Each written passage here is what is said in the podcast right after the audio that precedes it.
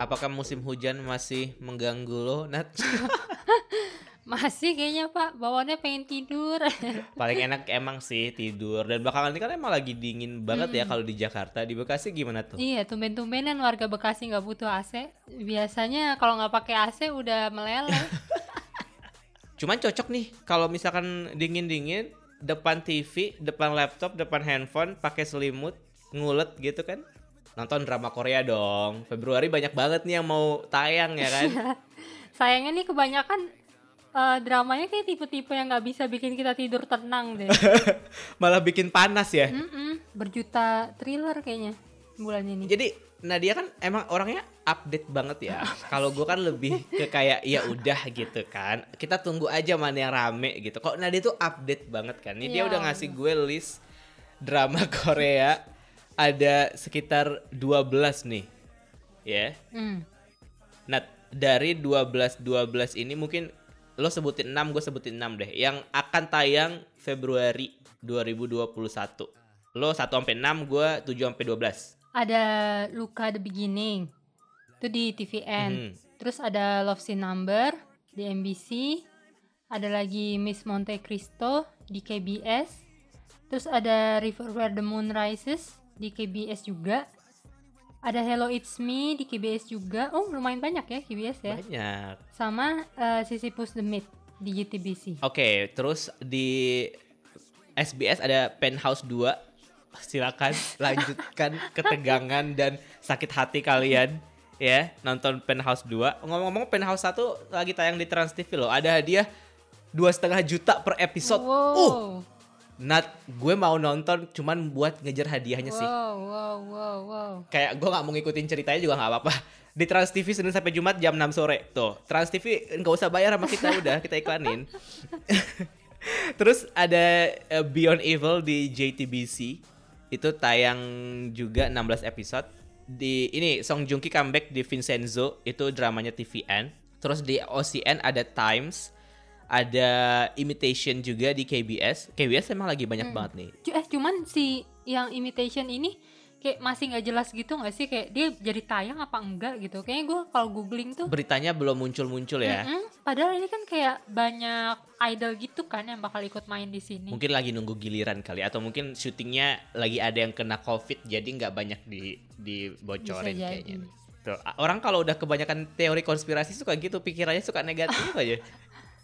Terus ada lagi eh, comebacknya Isenggi di drama, ada Mouse di TVN juga, sama Dear M. Nah ini yang lagi banyak banget dibahas terakhir-terakhir ini si Dear M ini sih. Nah Nat dari 12 ini di episode ini kita nggak akan ngebahas spesifik satu drama, tapi kita akan sharing soal hasil apa ya kayak hasil googling kita lah kira-kira ya. Mana nih yang yang menarik untuk em, menurut lo Nadia dan mana yang menarik menurut Ron? Nadia dulu. Dari 1 sampai 12. Nat lo boleh kasih tahu gilir-giliran aja kali ya. Lo dulu terus gue dulu gitu ya. Dari 1 sampai 12 yang paling lo tunggu tuh yang mana? ini Sisyphus the Myth Kenapa tuh? Karena ada BTS-nya kemarin. gue pas liat trailer itu gue langsung kepikiran lo ini Ron jangan-jangan gak jadi mau nonton ini cuman gara-gara ada nyinggung BTS jangan gitu ya Ron. Lo harus subjektif. Walaupun BTS yang dipilih lu nggak boleh kesel oke?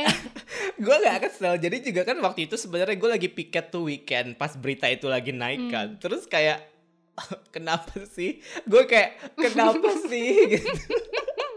Maaf ya. Maaf guys. Gue bukan army jadi kayak agak-agak sensi. Emang ini fair-fairan aja nih. Gue nggak suka fake soalnya. 21 2021 gue nggak mau fake. Jadi gue bukan army dan gue nggak terlalu suka BTS jadi kayak ini apa nih? Kok ada spring day gini? Untungnya lagunya gue suka sih. Iya, itu dalam tahu kayak maksudnya dia tiba-tiba eh, mengenang masa lalu di dunia yang sudah entah berantah dan berlumut itu. Cuman harus banget BTS iya sih. Emang harus banget BTS karena ya BTS is everything now kan. Mm, lumayan untuk mendongkrak Iya, ini iya. ya. Lumayan lumayan untuk me- me- mencari perhatian para army yang nggak nonton drama Korea mungkin nungguin akhirnya. Bagus sih, bagus sih.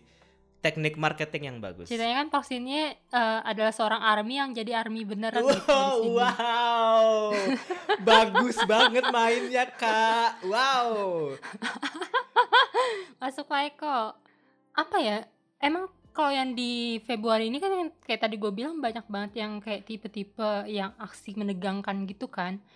Cuman eh, pertama nih kenapa gue suka ini? Soalnya apa ya? Mungkin karena dari pemainnya dulu sih, Ye sama si Jo Sung Woo ini gue suka dua-duanya gitu. Mm-mm.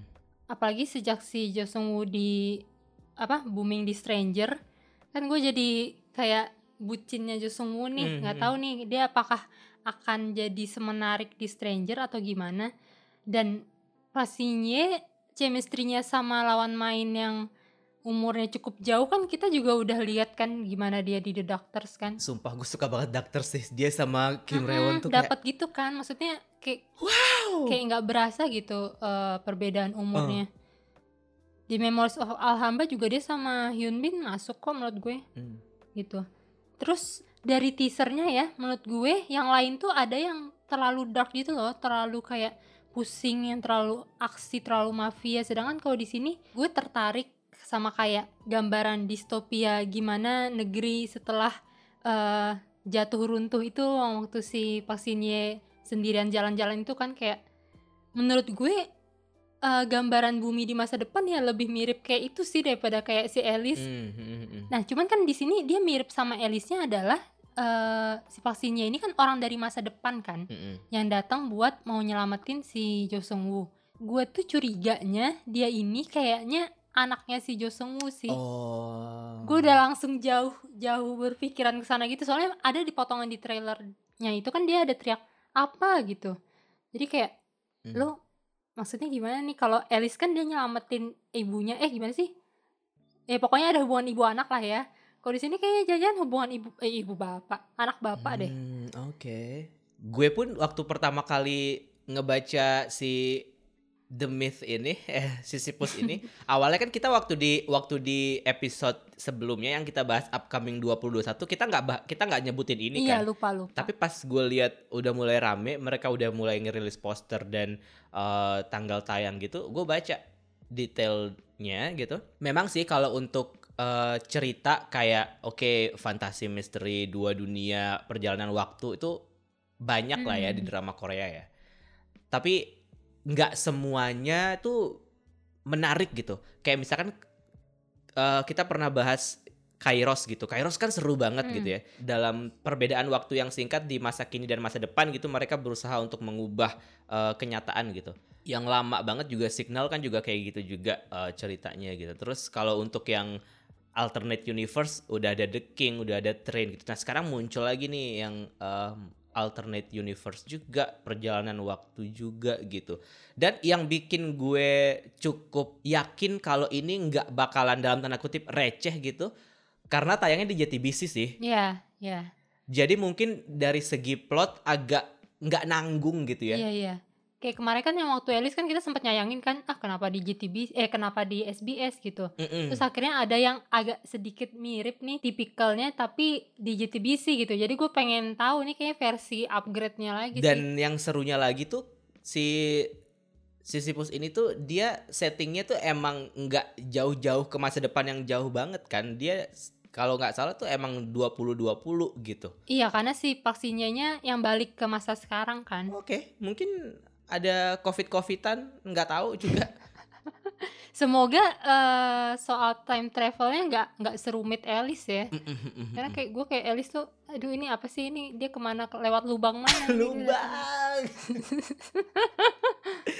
Iya iya iya. Kalau gue kalau gue justru mungkin gue lebih merasa kayak mind blown gitu sama drama Korea yang kayak oke kita tahu dia melakukan perjalanan waktu tapi nggak usah nggak usah terlalu banyak ngejelasin term-term kayak teknis gitu loh kayak Iya, apa wormhole atau apa gitu kayak menurut gue nggak nggak terlalu penting Mm-mm. sih eh, term-term itu yang penting sebenarnya kayak gimana caranya gue sebagai penonton nih ngerti ceritanya terus masuk gitu sama gue Iya. kayak maksudnya kayak kita nonton medical doctor deh kayak ya kan kita nggak perlu juga ngerti istilah-istilahnya kan yang penting ceritanya tuh bisa ngena sama kita Hmm. gitu relate sama kita nah itu sih yang gue harapkan dari drama ini biar ya udah nggak usah lah ngomongin soal teknologi masa depan mesin waktunya juga nggak apa-apa yang penting kita tahu dia melakukan perjalanan waktu sesimpel Doraemon buka laci meja aja gitu Iya. terus ceritanya relate gitu kayak ada hal-hal yang bisa menyentuh mengetuk emosi penonton halah kayak gitu sih kalau gue ya Hmm. Jadi walaupun di sini nggak bakal ada romance atau apa nggak apa-apa gitu. Yang penting gue dapet sama eh, ceritanya walaupun beneran dia hubungan, hubungan bapak anak ya. Cuman please jangan sampai ada romantisasi kayak di Alice. Itu gue kayak Hmm. mengalami konflik batin ini kayak lu kan ibu anak kenapa jadi romance why? Kalau gue kayak tadi obrolan lo di awal karena gue suka sama Park Shin Hye dan lawan mainnya yang lebih tua gitu, gue berharap mereka nggak bapak anak sih Iya sih, ujung-ujungnya. gue juga berharap gitu. Cuman gue kayak takut gitu loh, kayak ada terbesit kayak gitu aja. Lo kalau lo sendiri yang paling lo tunggu apa? Kalau gue belakangan ini tuh gue tuh terekspos banget sama Dear M, Ah, jujur. Sama Dear M. Iya. Di NCT mungkin Jaehyun bukan bias gue gitu ya. Tapi gue pernah ngebias Jaehyun pas di awal-awal gitu.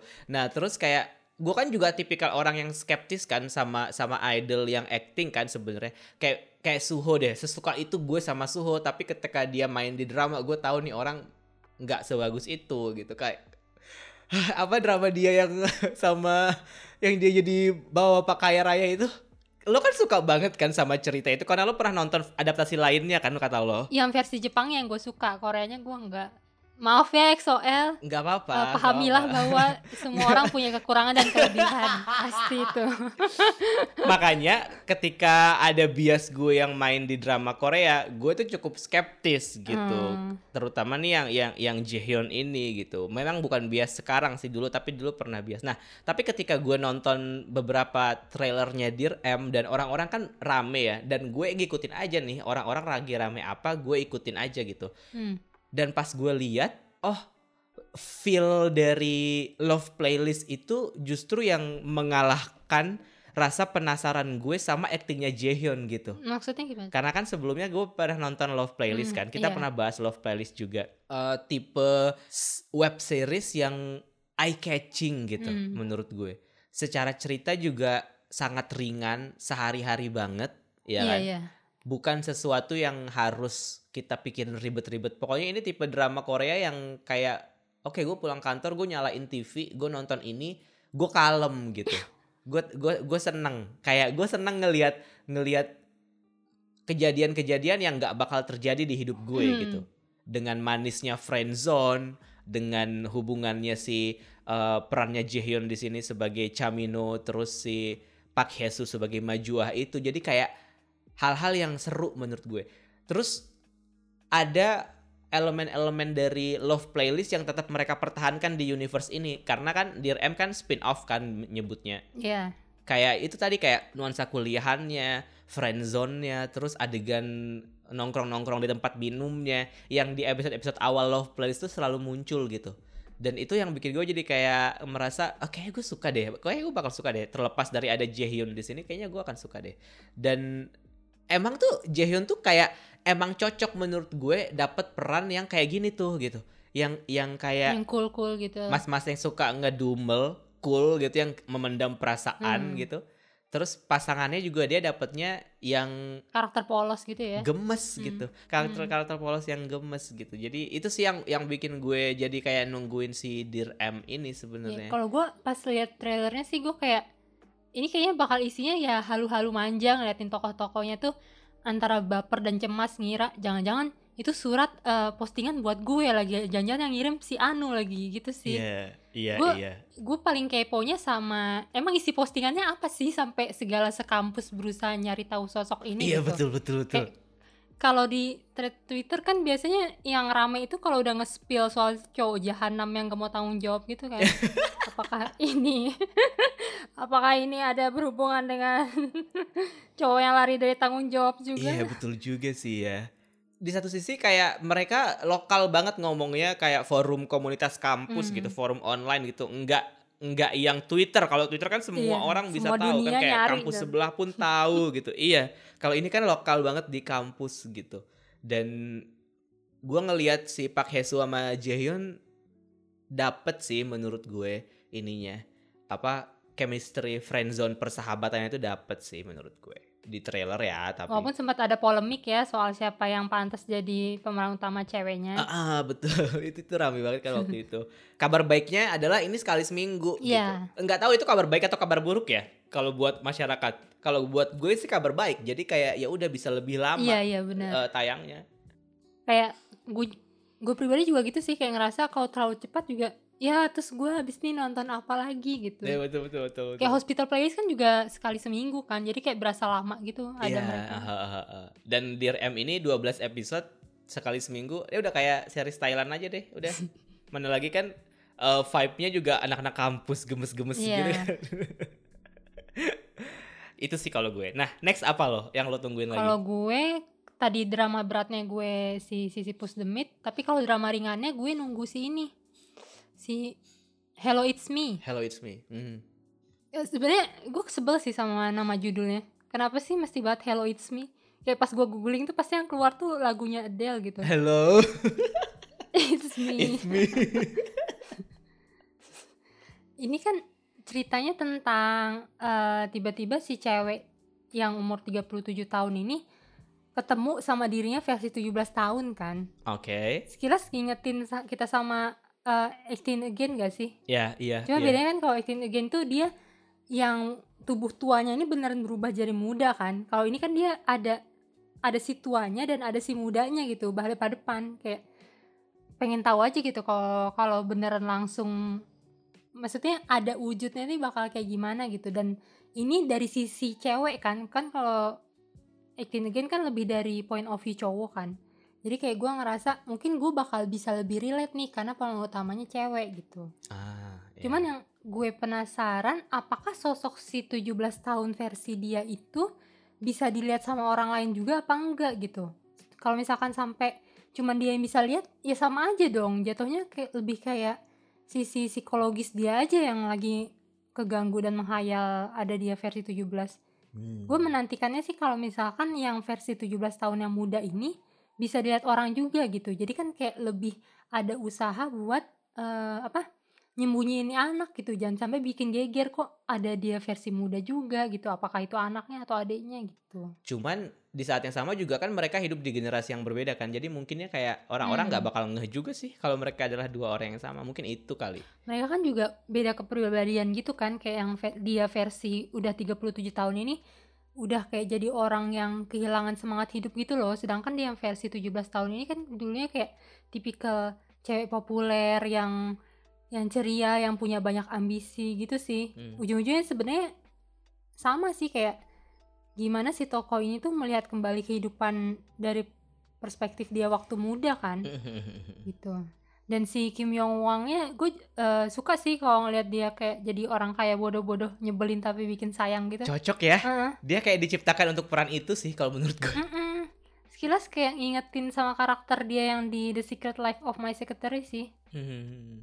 tapi semoga aja drama ini nggak jadi terlalu receh ya sama si KBS gue pengennya sih walaupun bisa bikin ngakak cuman ya gitu tetap ada part-part yang mengharu birunya Iya iya. Tetap lah kalau menurut gue drama Korea pasti bakal ada bagian-bagian itulah. lo apa nih yang kedua nih yang paling lo tunggu Nah kalau gue tuh masih bingung nih mau nentuin nonton yang mana kayak Song Joong Ki rame banget di dua drama yang sebelumnya tuh eh, Descendants of the Sun sama Hmm. Art Ardal tapi yang Ardal kan emang agak agak drop ya nggak nggak terlalu Hmm. yang se rame itu dibahasnya ada sih orang-orang yang teman-teman deket gue yang yang nonton cuman kayak pas gue coba untuk nonton tuh nggak nggak nggak nggak dapat gitu gue feelnya pas gue baca soal Vincenzo ini ah Song Joong Ki ngambil perannya gini lagi nih ya series-series lagi nih eh, berurusan sama senjata lagi nih gitu hmm.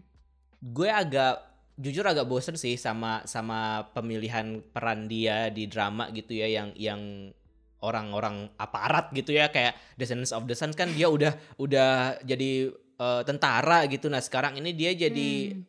Apa sih penasihat mafia gitu kayak ya nggak aparat sih cuman Iya, iya. sebenarnya gue kalau Song Joong Ki lebih pengen dia tuh kayak main melodrama lagi gitu yang kayak nice guy aja lagi gitu Eh, Mm-mm, pengen mm-mm. pengen banget ngelihat dia lepas dari karakter si Kapten siapa sih Yu Si Jin ya namanya kalau yang di Descendants of the Sun kalau nggak salah dari dari itu sih Gue tadi mau ngomong Kapten Yun Seri. Jadi kayak eh di satu sisi gue cukup menantikan nih karena Song Joong Ki nih nggak mungkin nggak rame nih Iya. gitu. Tapi ketika gue inget ada Artedal kayak ah, itu juga nggak rame kok waktu itu gitu. Bisa jadi sih juga ini flop juga gitu kan. Cuman ya balik lagi karena ini Song Joong Ki sih. Jadi kayak gue pengen lihat apakah eh, dengan dengan karakter yang berbeda memang si Descendants of the Sun sama Vincenzo ini cuman masih dalam ranah yang kayak crime yang kayak gitunya itu masih masih bisa menarikkah buat gue untuk nonton karena kalau dilihat dari trailer eh bukan trailer kalau dilihat dari descriptionnya kan dia ada romance sama komedinya juga kan kayak Descendants, Hmm. Descendants of the Sun ada romanisnya juga sih komedinya juga ada sih cuman kayak Hmm. porsinya akan seba- sebanyak apa gitu. Kalau gue sih kalau dari teaser trailernya dari looknya Song Joong Ki gitu kayaknya nggak bakalan sekomedi komedi itu sih. Maksud gue kayak dia bakalan bakalan cuma jadi bumbu doang sih kayaknya. Ini akan jadi sebuah Iya. drama yang berat yang dalam tanda kutip ya tapi berat yang ngomongin soal politik mafia ngomongin soal senjata yang kayak gitu-gitu yang penggelapan mungkin yang pokoknya hal-hal yang jahat lah gitu. Karena dia kan juga misinya untuk mengungkap kejahatan juga kan di situ si Vincenzo Casano ini yang sobatnya Hmm. Gaston Castagno kayaknya jadinya kayak gue tuh kayak ngerasa aduh bakal bisa nggak ya gue menikmati ini dengan Song Joong Ki yang main lagi dengan topik dan tema yang sama gitu sementara gue masih pengen dia main melo masih pengen dia main romcom gitu cuman karena ini Song Joong Ki jadi gue pengen tahu aja gitu Pengen ngintip dulu ya. pengen ngintip dulu aja si Vincenzo ini kayak mana Iya, iya. gitu Teasernya sih terkesan kayak drama yang manly banget ya. Mm-mm. Segala ada tembak-tembak, ada bom-bom. Cuman ternyata pas gue ngintip di Asian Wiki sutradaranya cewek ya. Wow. Terus penulisnya itu eh, penulis yang bikin Good Manager sama Fiery Priest gitu.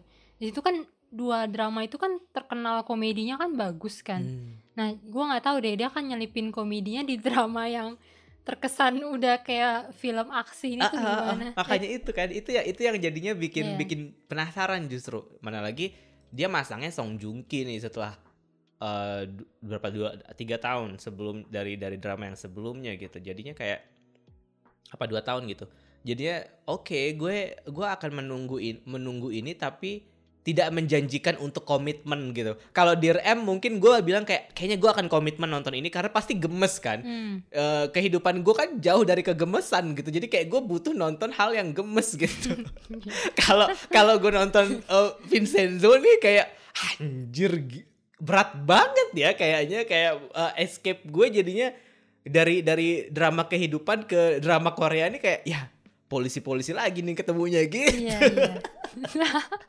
agak males sih jadinya. Cuman karena itu karena ini Song Joong Ki jadi gue oke, gue bisa bisa meluangkan waktu untuk ngintip sedikit gitu. Terus apalagi ya? Apalagi ya? Gue nggak nggak tahu sih apalagi yang gue tunggu di Februari ini. Yang benar-benar gue tunggu di tahun ini itu rata-rata yang gue sebutin yang di podcast kita sebelumnya gitu. Tapi ya sampai kemarin tuh masih ada yang DM gue loh nanyain ngedrakor bahas penthouse ya. Kayaknya ini para penonton penthouse nih berusaha banget menjerat kita ke dalam lubang kegelapan gitu ya. Iya iya. Soalnya dia juga juga kayak pusing banget gitu gitu. Dia dan dia belum nyelesain season 1 bahkan. Dia pengen nyari teman misu-misu tapi kita udah keburu melarikan diri. Iya iya iya iya iya betul betul. Lagian ini kayak cepet banget gitu gak sih? Kayak ini drama per season yang menurut gue tuh paling cepet gitu di antara season 1 sama season berikutnya. Kayak kesehatan mental para penonton di season 1 tuh, tuh belum sembuh gitu. Dia langsung mau ngehajar sama season 2 nya lagi Tapi kalau misalkan merujuk ke obrolan kita yang sebelumnya soal penthouse ini kalau gue sih mikirnya memang mereka tuh syutingnya emang udah banyak sih.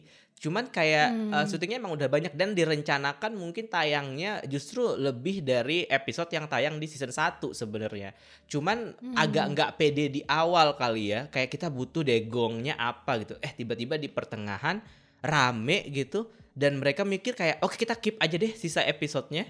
Kita bikin season 2 tapi kita keep dulu sisaan season 1 kita keep dulu gitu. Menurut gue sih gitu karena kayaknya eh kalau dilihat dari pola drama Korea sebelumnya dengan tipe yang kayak gini ini kan tipe-tipe drama kalau lo bilang apa makjang gitu ya? Hmm. yang emang tayang tuh pasti kalau di Korea sasarannya ibu-ibu ya kan? Eh, yang Iya. yang nunggu di yang kerjaannya nonton di rumah aja gitu sambil mengerjakan hal-hal di rumah gitu. Terus sekarang orang lagi pandemi banyak yang di rumah aja terekspos juga nih sama drama ini juga gitu. Jadinya naik juga mungkin kondisinya mungkin kayak gitu juga kayaknya akhirnya ya udahlah kita bikin season 2 aja lah yuk Dan gitu. atau bisa jadi emang sengaja akhirnya mereka pecah berdasarkan mood ceritanya gitu. Kayak di season 1 kan penonton lebih banyak dibuat nganga dan terdiam gitu kan dengan berbagai eh, kenyataan dan kejahatan ini. Kayaknya di season 2 ini akan lebih ke pembalasan si protagonisnya sih. Walaupun gue sebenarnya nggak yakin menyebut dia protagonis. Kayak di sini gue nggak tahu lagi siapa yang protagonis gitu. Tapi kayaknya di season 2 ini orang bakal banyak yang teriak bagus rasain lo bagus Ah, hajar yang iya, kayak gitu iya, deh. iya, iya. baru nanti di season 3 ya finalnya nih antara siapa nih yang benar-benar akhirnya menang si protagonis atau antagonis? Nat ada season 3 Nat. Ada Ron jangan sedih. Allahu Akbar takbir. Ini kayaknya penulis dan sutradaranya emang mau merusak tatanan dunia sih. Oh wow, oke. Ya menurut gue kayak memang memang memang memang mungkin ada orang-orang yang pada akhirnya memilih untuk melihat ini karena ya itu tadi ya segala drama yang memusingkan kepala itu ya. Mm-mm. Mungkin orang-orang yang nonton ini mungkin orang-orang yang emang hidupnya kalem, yang nggak pernah balas dendam, yang setiap hari itu bener-bener yang kayak chill, relax, tiba-tiba kayaknya kalau hidup gue gue butuh drama deh dalam hidup gue gitu. Terus dikasih Iya, oke iya. kita kasih kamu penthouse gitu kan. Kayak wah ini yang gue tunggu-tunggu nih. Pembalasan dendam eh, pembunuh-pembunuh ini gitu kan. Yang kayak tusuk menusuk orang-orang kaya ini gitu kayak. Itu itu salah satu niche juga kali ya yang yang bikin orang-orang dari yang sebelumnya The World of the Married terus eh, Graceful Friends yang tipe-tipe drama Korea yang dengan eh, apa tema-tema yang sama gitu. Yang dark orang-orang kaya terus eh, tusuk menusuk dan ya buat misalkan orang-orang yang ngerasa masih belum puas nih nonton eh, cakar-cakaran di penthouse mungkin bisa nonton si Miss Monte Cristo sih. Karena kan itu kan setipe kan. Nah. Kayak drama suspense yang balas dendam seorang wanita yang hidupnya dihancurkan teman-temannya terus berusaha merebut kembali kehidupan dia. Itu kayak gue bacain aja udah. Oh oke skip next 100 episode Nat iya 100 episode drama panjang aturan dia buat per season season juga dulu ya kayak si penthouse biar nggak langsung kayak orang lihat harus 100 episode ngeliatin orang balas dendam udah deh bye tapi kayaknya itu 100 episode emang yang tayang ya yang tayang tiap hari kan yang emang stripping itu kan drama drama drama Hmm, hmm, stripping yang Korea gitu kan iya iya iya bener-bener. Hmm. Ini ini kalau yang Miss Monte Cristo emang sasarannya beda sih. Ini mungkin juga mungkin juga dari apa? Dari treatmentnya pun juga akan beda sih. Mungkin ini akan lebih terasa seperti lebih sinetron banget ya sinetron. Iya, ini akan lebih terasa seperti sinetron sih. Tapi sebelumnya lo pernah nggak sih ngikutin drama Korea yang sampai 100 episode? Eh, kayak sampai 60-an gitu tuh pernah sih. Cuman kalau sampai 100-an nggak tahu deh. Gue kayaknya banyak yang ketinggalan di tepi jalan. Eh, Oke. Cuman emang kayak nyoba-nyoba nonton emang ada beberapa sampai beberapa puluh gitu. Kalau gue dulu pernah tuh nonton dramanya Ayu yang The Best Is Sin itu yang 50 episode kan. Hmm. sama Jo Jong Suk untungnya dua pemainnya gue suka tuh jadi gue tahu Jo Jong Suk dari situ terus gue nonton Oh My Gosh Jo Jong Suk mirip banget perannya gitu dan gue udah mulai suka juga sama Jo Jong Suk dari situ sih kayak Udah ditandain ya. iya emang Ayu kalau dipasangin sama Om Om tuh cocok banget dah suka gue Iya kayak vaksinnya ya. ah ah cocok banget Bisa ngeblend gitu sama om-om. sementara kalau dia sama orang yang seumuran kayak Yo Jinggu gitu tuh kayak agak kurang gitu feelnya kalau Iya kayak nggak dapet. nggak dapet iya kayak dia sama Ijun Ki tuh enak banget ngelihatnya kayak orang-orang yang lebih tua ini tuh bisa mengayomi sekali gitu. Mm-mm. Karena dia kayak kecil-kecil udah dewasa gitu sih? iya iya iya. Betul betul betul. Apalagi yang waktu dia di The Best Is Soon Sin kan kayak dia masih bocah banget kan. Di situ masih baru-baru 20 umur 20 gitu kan. Terus Jo Jong Suk udah yang hampir 30-an gitu kan. Jadi pas aja gitu. Tapi nama besar berikutnya nih Nat ada Beyond Evil nih. Ada Yo Jinggu Hmm. si asisten digitalnya Pak Han gimana? Lo nggak tertarik buat ngelihat dia nih? Polisi-polisi juga sih ini detektif gitu-gitu sih. Nah iya gue juga pas awal lihat oh ada Eugene gue akhirnya gitu kan. Gue sempet ini nih nandain ini cuma begitu gue nonton eh, teasernya ya Kayak wah gelap sekali. Hmm, Ini kayak soalnya dramanya ada selain thriller dia eh, psikologi juga kan. Kayak kayak apa ya tipikal-tipikal yang akan beneran menguras energi gue sih nonton ini mm, mm, mm. Cuman kayaknya sih bagus gitu, apalagi si Shin Ha Kyung-nya tuh dapat banget sih menurut gue. Dia kalau peran-peran kayak gini. Dan sekilas ini ng- ngingetin gue sama eh, The Good Detective gitu, kayak kerjasama antara polisi veteran sama polisi muda berbakat yang nanganin kasus belum tuntas kan di masa lalu gitu. Mm-mm. Cuman kayaknya ini akan jauh lebih dark dan sih. dari poster dan promonya jauh dari romance kan jadi Iya, mungkin ini eh, emang emang ditujukan buat orang-orang yang itu tadi kayak drama Korea tuh nggak selalu romance kok gitu Beyond Evil drama thriller psychological Yojingu Shin Ha Kyun di 19 Februari Mouse nih gimana ini juga nama besar juga nih Hmm. Isenggi nih Eh, Isenggi drama terakhirnya apa sih? Vagabond bukan deh. sih Oh iya benar. Ini mouse gue cukup agak tertarik sih, cuman nggak benar-benar tertarik tertarik banget. Sebenarnya yang menarik di sini adalah cuman pertanyaan kayak apakah lu akan tetap melahirkan seorang anak yang udah bisa dipastikan bahwa dia akan tumbuh jadi seorang psikopat gitu. Hmm. Tapi kan bisa dideteksi eh, gennya kan dari sejak dijanin gitu. Dan feeling gue kayaknya Iseng gini sebenarnya psikopat, cuman dia nggak sadar gitu. Iya iya, karena masalahnya kan dia juga sudah lahir anyway kan, udah dewasa juga Iya. gitu kan. Iya, Sebelum alat pendeteksi ini ditemukan, mungkin dia udah keburu lolos gitu ke dunia. Tapi kalau dilihat-lihat sih memang eh, sel- akan selalu ada tema-tema yang kayak psikopat gitu ya. Kayak kemarin kan kita Flower of Hmm. Evil kan kayak pemeran utama itu psikopat nih sebenarnya nih gitu. Tapi psikopat Hmm. tobat gitu kan. Nah, yang ini Iya. mungkin juga agak mirip-mirip juga kali si Mouse ini ya karakternya kayak dia dia udah dia udah tahu dia eh, psikopat gitu. Tapi tiba-tiba ada alat yang bisa mendeteksi DNA psikopat gitu kan. Kenapa ya? Kenapa kita semakin tertarik dengan dunia psikopat? Karena kita jarang ketemu kali sama orang yang kayak gitu. Nauzubillah min zalik sih, amit-amit kalau sering-sering ketemu sih. Nauzubillah ya Pak. Iya sih, iya Jadi sih. kayak seolah-olah tuh dia ngebangun ada psikopat hitam dan ada psikopat putih gitu. Iya, iya, iya, iya, iya, iya. ilmu hitam, ilmu putih jadinya. Bener-bener. Cuman kalau gue merasa eh, mouse ini akan kemakan banget sih sama penonton kita sih dibandingkan dem- dengan Vincenzo gitu ya. Ini tayangnya kan juga di eh, Iya, minggu-minggu iya. yang sama gitu. Dibandingkan dengan Vincenzo, si mouse ini akan lebih hype-nya akan lebih gede sih menurut gue. Dan kayaknya karakter dia di Vagabond sama di Mouse itu cukup berbeda ya. Jadi cukup fresh gitu ngeliatnya. Iya, bisa jadi. Nah, yang sebenarnya juga kalau gue ini ini personal pick gue nih karena gue suka banget sama Kim Rewon waktu di Doctors. Hmm. Gue juga nungguin si Luka the Beginning ini sih. Udah tayang ya semalam ya. Mm-mm, mm, udah mulai tayang. Tapi gue belum mulai nonton. Kalau lo gimana? Dia ini kan eh, sebenarnya punya kekuatan misterius, cuman dia nggak tahu apa gitu kan. Mm-mm, Dan shot-shotnya tuh sekilas tuh kayak ngingetin gue sama Awaken gitu. Mm-mm. Drama yang dia gantiin. mm-mm. yang kayak ada scene kebakaran di dalam gereja cuman dia diem berdiri di situ terus kayak close up mata soal dia punya kemampuan tapi kemampuannya tuh apa tuh gue masih belum tahu sih kayak apakah mengendalikan pikiran atau menggerakkan benda dengan matanya gue juga belum nonton sih karena kan kita eh, pagi ini kan langsung rekaman ini kan Mm-mm.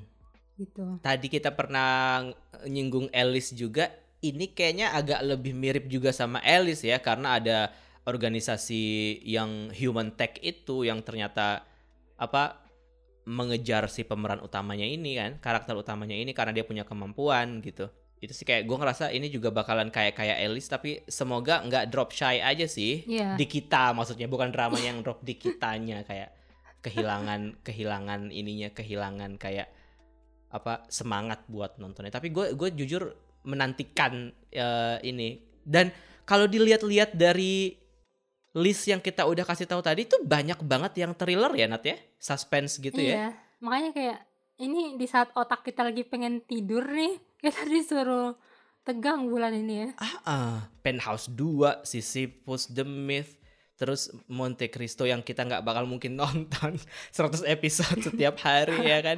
Luka the Beginning gitu. Kayak yang romance ya itu tadi tuh. Dear M Love Scene Number uh, Hello It's Me itu yang yang yang cukup cukup ringan ya cuman ada banyak pilihan untuk semuanya sih Hmm. dan yang harus disebut lagi satu River Where the Moon Rises itu sagek dan kalau lo suka Mr. Queen mungkin coba nonton yang ini walaupun ini akan lebih berat Iya, gue justru malah ingetnya sama Empress Ki. hmm, Karena kan di situ sama-sama tipikal cewek strong ambisius yang ingin berkuasa kan. hmm. Sementara si cowoknya itu bucin banget sampai rela diperdaya cintanya Oh sama kayak God. di Empress Ki kan cuma bedanya Empress Ki yang bucin tuh cowoknya raja, kalau ini rakyat jelata gitu. Hmm, hmm, hmm, hmm. Jujur lebih nunggu Love Alarm 2 lama banget nggak nggak tayang-tayang. Kim So Hyun dia malah lebih tayang di sini duluan gitu kayak anjir Love Alarm 2 tuh kendalanya apa sih? Dalam hati gue kayak pengen telepon Netflix nih lama mana 2 nih nggak tayang-tayang. Iya, gue sampai udah nggak peduli kayaknya Jojo mau sap- sama siapa Iya. sih. Jojo kayaknya udah main Tinder udah nggak makan pakai pakai Love Alarm lagi nih. Udah putus asa. iya, udah ganti aplikasi. Kalah loh sama Penthouse, Penthouse aja langsung jadi tuh season 2. Iya makanya. Yang pasti ada pilihan buat semua genre yang suka drama Korea nih, ada pilihan buat semuanya. Drama manis-manis ada, lucu-lucu ada, thriller misteri banyak banget yang bisa dipilih untuk ditonton Februari ini. Dalam sebulan aja itu udah banyak banget pilihan gitu. Jadi kalau nanti ada yang ada yang mau request kita mau bahas apa, tolong perhatikan mental kami juga ya guys. Kami sudah tua, Kami bukan sudah usianya untuk tua. marah-marah. Jadi ya kalau gue jujur lebih nungguin yang ringan-ringan yang ala-ala Dear M itu mungkin lebih menarik buat gue untuk untuk bisa komit gitu. Tapi beberapa judul yang lain bisa diintip juga kayak tadi gue nungguin Luka juga, terus Sisyphus juga, Vincenzo dan Mouse mungkin masuk dalam list gue juga. Kalau lo kayak tadi lo Iya, apa? Sisyphus the Myth terus sama eh, drama yang ringannya itu sih Hello It's Me. Hmm, hmm, Oh, hmm. terus gue mau mention ini si Timesnya OCN. Sekilas kan mirip Kairos banget kan. Hmm, hmm, hmm. Kayak cewek dan cowok tiba-tiba beda tahun tapi bisa saling berhubungan lewat telepon tuh kayak sesuka-sukanya gue sama Kairos cuman kayaknya Times entar, entar dulu bisa nggak? Iya iya iya bener. Ntar dulu bisa nggak kayak kayaknya dulu. kayaknya tema tema tema seperti ini karena ini OCN juga yang mungkin mereka ranahnya emang nggak bisa lebih jauh dari eh, thriller crime gitu jadinya Mm-mm. oke kita tunda dulu ya OCN 2021 gitu ya. Karena GTBC ini ada juga nih yang se- setipe-setipe nih gitu kan. Iya. TVN juga ada juga nih gitu. Walaupun kelihatan sih effortnya untuk membuat drama ini lebih besar karena kan kalau yang di Kairos kan yang diselamatin ya keluarga mereka kan keluarga terdekat kan. Ini dibuat lebih penting lagi nih kayak presiden Korea Selatan yang mungkin dengan meninggalnya dia tuh bisa berimpact banyak gitu. Oh betul betul betul betul yang pasti kalau misalkan ini nggak tayang di Netflix mungkin nggak akan rame kayak Uncanny sih iya sih karena sebelumnya juga OCN tuh jarang kan ada yang terblow up seperti Uncanny kan. Mm-mm. Jadi ya kita nonton yang masyarakat tonton aja lah. iya ke mana angin berhembus Ke mana ya angin berhembus. kalau mau request request dari sekarang Ya, sebelum betul. kita sebelum kita meninggal, sebelum kita meninggal dengan semua genre drama thriller supranatural misteri sci-fi ini gitu. iya pokoknya apa pun nanti kita coba nonton kecuali Penthouse 2 ya